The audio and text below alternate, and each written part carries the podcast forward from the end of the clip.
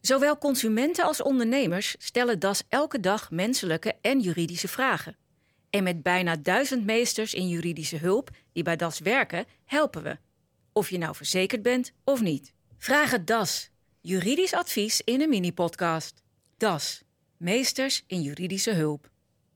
Steeds meer werknemers worden tijdens hun loopbaan geconfronteerd met diagnose kanker. Waar lopen zij tegenaan en hoe ga je daar als werkgever mee om? Ik ben Mireille de Trixen, ik ben woordvoerder bij DAS.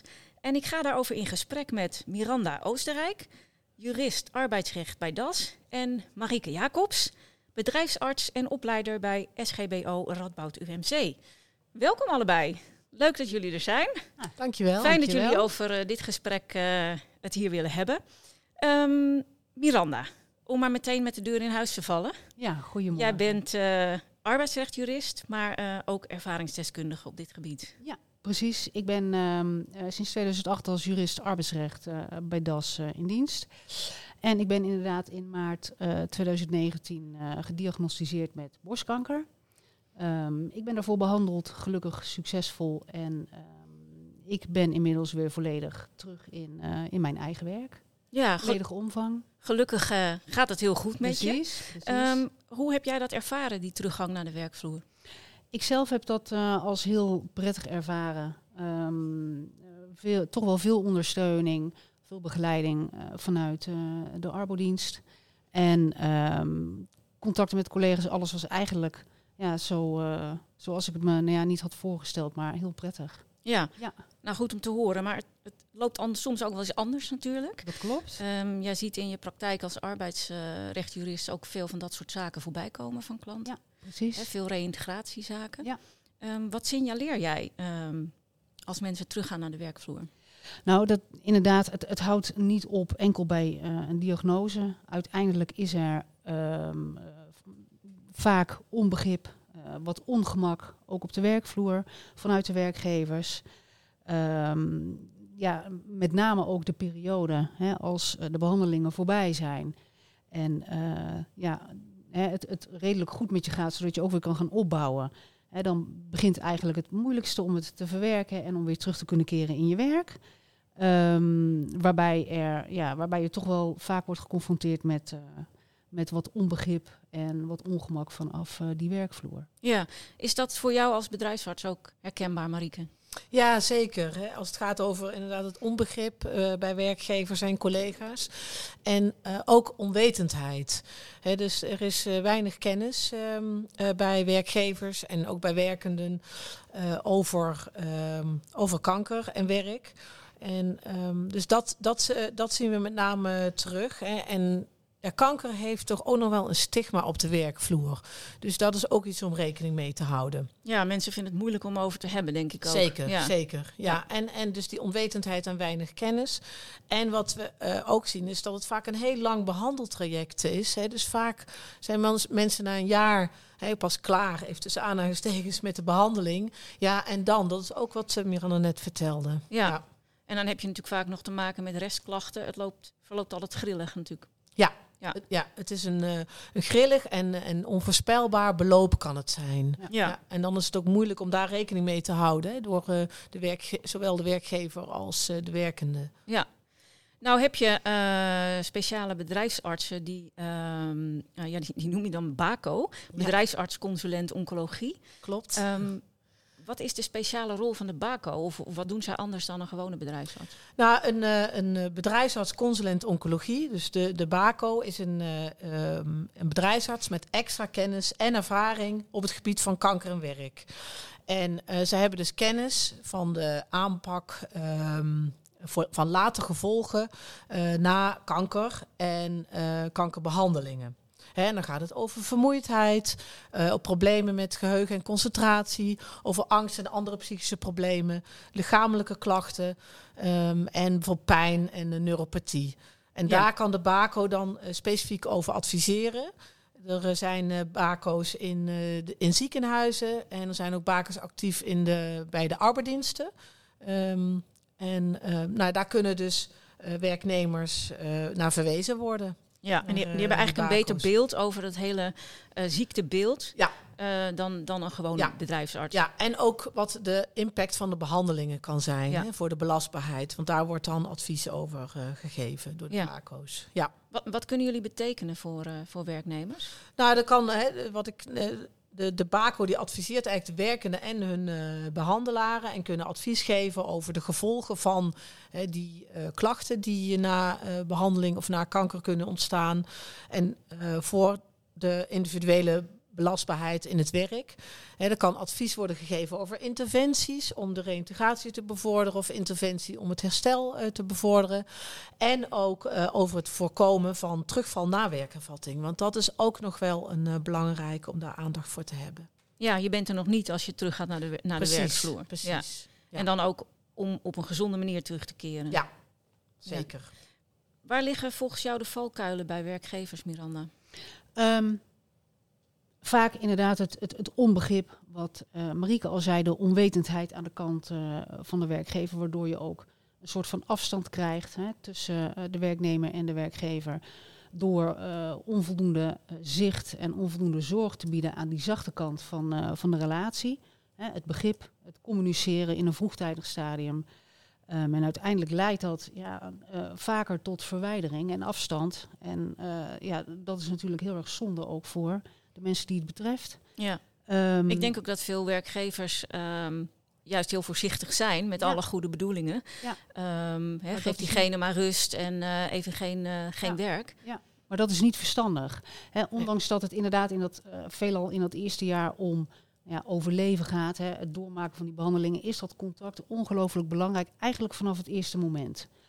Ehm, en daar ligt, eh, denk ik, de cruciale taak ook voor natuurlijk de werkgever in de vorm van de leidinggevende, de collega's die daar direct omheen eh, eh, zijn, om daar een goede balans in, hoe ben ik zorgzaam voor diegene, maar hoe ben ik ook ja, zakelijk, hè, de formele kant van de arbeidsrelatie. Ja, want die is er ook nog Ja, natuurlijk. zeker. Ze hebben Ja, aan bepaalde verplichtingen. Ja. verplichtingen te Ja. voldoen. Ja, Ja. inderdaad. De formele kant, dus hè, de wetsverbetering poortwachter, die vraagt een actieve inspanning van zowel werkgever als werknemer.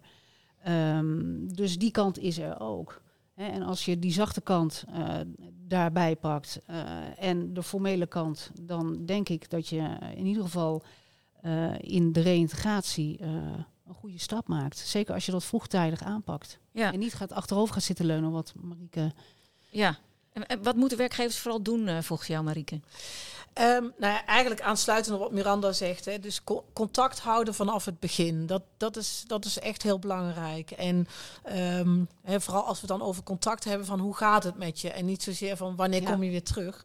ja. Eh, ik denk dat dat een hele belangrijke is. Alhoewel we echt best wel wat eh, veel mensen zien die eh, willen blijven werken, eh, ook tijdens de behandelingen. Maar dan, hè, ook dan is het heel belangrijk om te vragen van wat wil je, wat kun je en hoe kunnen wij, hè, dus als werkgever, je daarbij ondersteunen.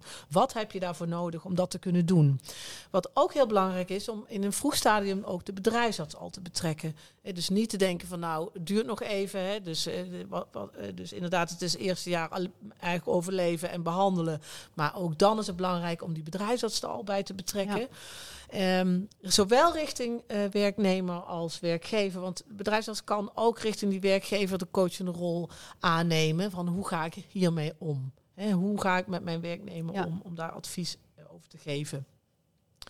Ehm, want we weten ook eh, dat eh, als er geen contact is ehm, in dat vroegstadium en als er geen contact blijft, dat de weg terug gewoon moeilijker is. Ja. Hè, dus om, om weer eh, te reïntegreren. Dus blijf in gesprek.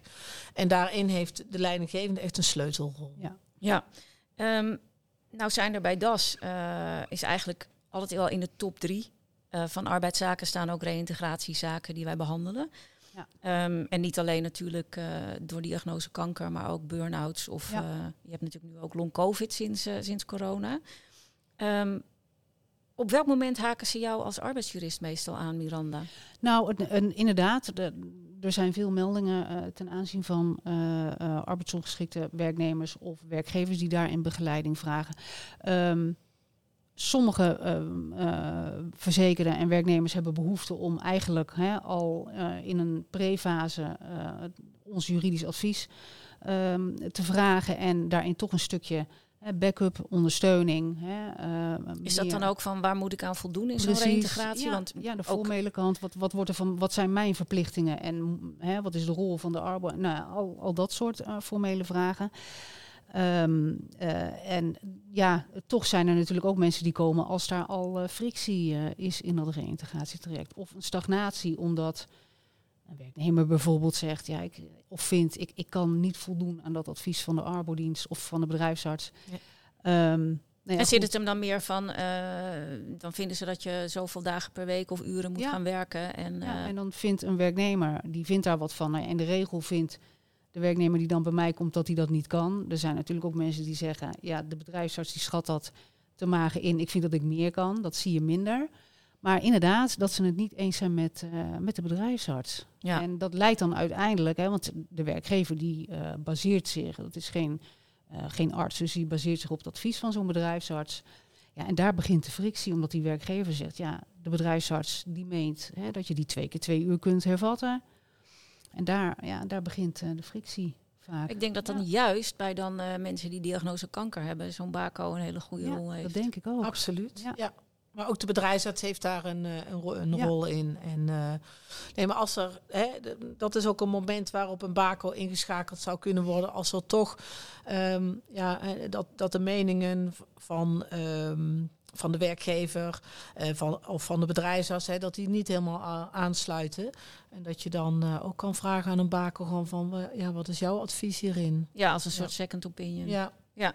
ja, meer een aanvulling eigenlijk. Ja. ja. Dat, ja. Hoe kunnen werkgevers het reïntegratieproces zo goed mogelijk managen, Marieke? Nou, eigenlijk wat we eh, Even, net even gerelateerd aan die diagnose kanker. Ja, wat we net ook wel hebben gezegd. En vooral dat in contact blijven en vragen wat de werknemer eh, wil, kan en wat hij nodig heeft. En daarbij is het belangrijk dat er, eh, dat er kleine stapjes worden gemaakt. Hè, en dat er, als er, een goeie, dat er eerst een goede balans is en dat er van daaruit stapjes vooruit gemaakt kunnen worden. Ehm, ja, en ik vind het belangrijk dat er regelmatig gemonitord wordt dan en geëvalueerd. Ehm, Miranda, kun je ook door juist die zachte kant hè, te, eh, goed te, te doen als werkgever, kun je daar conflicten mee voorkomen, denk Ja. je? Ja, absoluut. Dat is in ieder geval wel mijn ervaring. Ik bedoel, geen relatie zonder communicatie. Dus dat is uiteindelijk ook eh, van toepassing op de arbeidsrelatie. Hè, blijf inderdaad die eh, gesprekken, blijf in verbinding met elkaar. Omdat op het moment dat je in verbinding blijft, je ook inderdaad problemen waar je tegenaan loopt, eh, bijvoorbeeld inderdaad na een diagnose, toch durft te delen. Ondanks dat je daar vanwege privacy niet alles over hoeft te delen, hè, dat vooropgesteld. Nee, want dat is ook nog wel een ding. Hè? Ja, je ziet zeker. ook vaak, daar zit wel eh, een. Ja, ja. dus- ja. Dat is ook, denk ik, eh, voor jou herkenbaar, Marieke. Dat werkgevers ook huiverig zijn om, om dingen te delen. Zeker. In verband ook met, eh met de privacywetgeving. Ja, ja. Ja. En nou ja, goed, en dat is ook iets waar, eh, waar dan met de bedrijfsarts over gesproken kan worden. Van wat kan en moet ik delen en eh, waar moet ik rekening mee houden.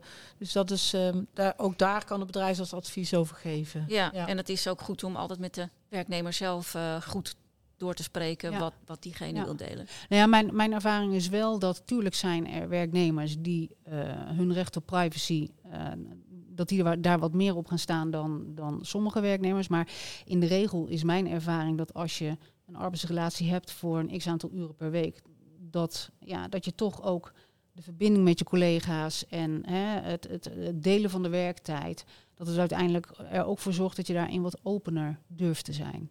En Ja. dat het, wat ik zeg, vaak ook voor, voor die verbinding. Ja, dat is mijn ervaring ook. Ja. Ja. Ja. En, en, en ligt daar ook een, eh, een taak voor eventueel collega's? Om, nou ja, Marieke die noemde het net al, hè, dat stigma. eh, dat, hè, het, het is inderdaad het, het niet weten. Hè, wat, wat houdt het in? Ehm, eh, ja, maar daar ligt denk ik ook zeker een taak voor, eh, in dit geval de leidinggevende. Hè, die, Ja, die, daar heeft een toch die sleutelrol. Ja, die heeft Ja. een sleutelrol. Ja. Omdat ook met die collega's, maak het bespreekbaar. Ja. Precies, en betrek die collega's Precies. erbij. Ja. Ja. Precies. Maar jij hebt denk ik ook wel voorbeelden waar het juist heel goed gaat, Marieke. Ja, zeker.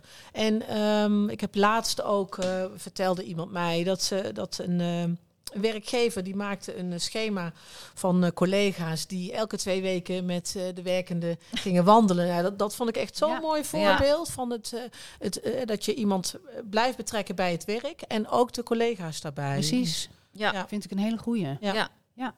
Ja. Want hoe meer afstand er is, hoe, hoe moeilijker, Moeilijker. het is terug om eh, naar de werkvloer te gaan. Absoluut. Ehm, en dat kon, kan zelfs soms leiden dat er eh, dat partijen Afscheid, afscheid van ja. elkaar nemen. Ja, dat er afscheid. eh, en nou ja, goed, ehm, eh, inderdaad, dat zorgzame, ook op die zachte kant, die formele kant is natuurlijk belangrijk. Hè? Ik bedoel, dat is nou eenmaal wat de wetverbetering poortwachten van beide verlangt. Hè? Van zowel de werkgever als de werknemer. Maar die zachte kant, uiteindelijk hè, eh, is niemand er dan bij gebaat om vanwege uiteindelijk een, een conflictueuze, weinig vertrouwenssituatie afscheid te nemen eh, van elkaar. En want ook. ehm, eh, en dan spreek ik ook uit ervaring, is dat juist participeren hè, in het arbeidsproces, dat dat voor zingeving zorgt, hè, dat, dat je je maatschappelijk betrokken voelt. Dus ja, dat, dat is voor een werknemer is dat ook heel erg belangrijk om goed te kunnen terugkeren. Absoluut. Ja. Precies. Ehm, wat we nu net besproken hebben, dat hele proces, geldt dat bijvoorbeeld ook voor mensen die long covid hebben of met een burn-out? Ja, we zien eh, wel een, een, eh, het herstel en het beloop zien we wel een parallel met eh, de mensen die long covid hebben. En dan hebben we het over het, bijvoorbeeld het, on, het grillige en het on- onvoorspelbare beloop. En ook dat mensen eerst een goede balans moeten hebben, van daaruit kleine stapjes, kleine stapjes moeten doen. Dus inderdaad, daar zien we wel wat eh, parallellen in. Ja, Ja. snap ik. Ehm Marieke, heb jij misschien nog een laatste tip voor de luisteraars, voor werkgevers Ja, er, of voor werknemers? Nou, sinds kort is er een overzichtkaart wer- werk en kanker. En die eh, is bedoeld als wegwijzer voor mensen met kanker die vragen hebben over werk. Eh, van de NFK is de. mm, Dat is is de deze Nederlandse Federatie voor Kankerpatiënten, zeg ik dat goed? Ja, klopt. Ja.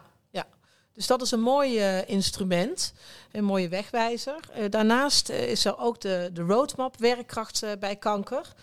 En een, eh, een website die eh, ook kan helpen is eh, kanker.nl. Oké, dankjewel. Ehm Miranda, Ja. wil jij de luisteraars nog iets meegeven? Ja, kijk, ik als jurist arbeidsrecht, tuurlijk, hè, die formele kant is heel erg belangrijk. Aan beide kanten zijn daar verplichtingen, maar heb ook zeker oog voor die zachte kant. Blijf met elkaar contact houden, blijf de interesse, eh, blijf daar open in. En ja, hou de regie over eh, ja, je eigen lichaam, over de reïntegratie, over het hele proces. Ja, helder. Dank jullie wel dat jullie eh, Ja. hier wilden zijn om hierover Graag te gedaan. praten en jullie gedaan. ervaringen Ja. te delen. Ehm, wil je nu meer weten over reïntegreren als, als ondernemer? Dan kun je kijken op www.das.nl slash ondernemer slash personeel slash reïntegratie. Daar kun je nog meer informatie vinden. Dank voor het luisteren. Vraag het DAS. Juridisch advies in een mini-podcast. DAS. Meesters in juridische hulp.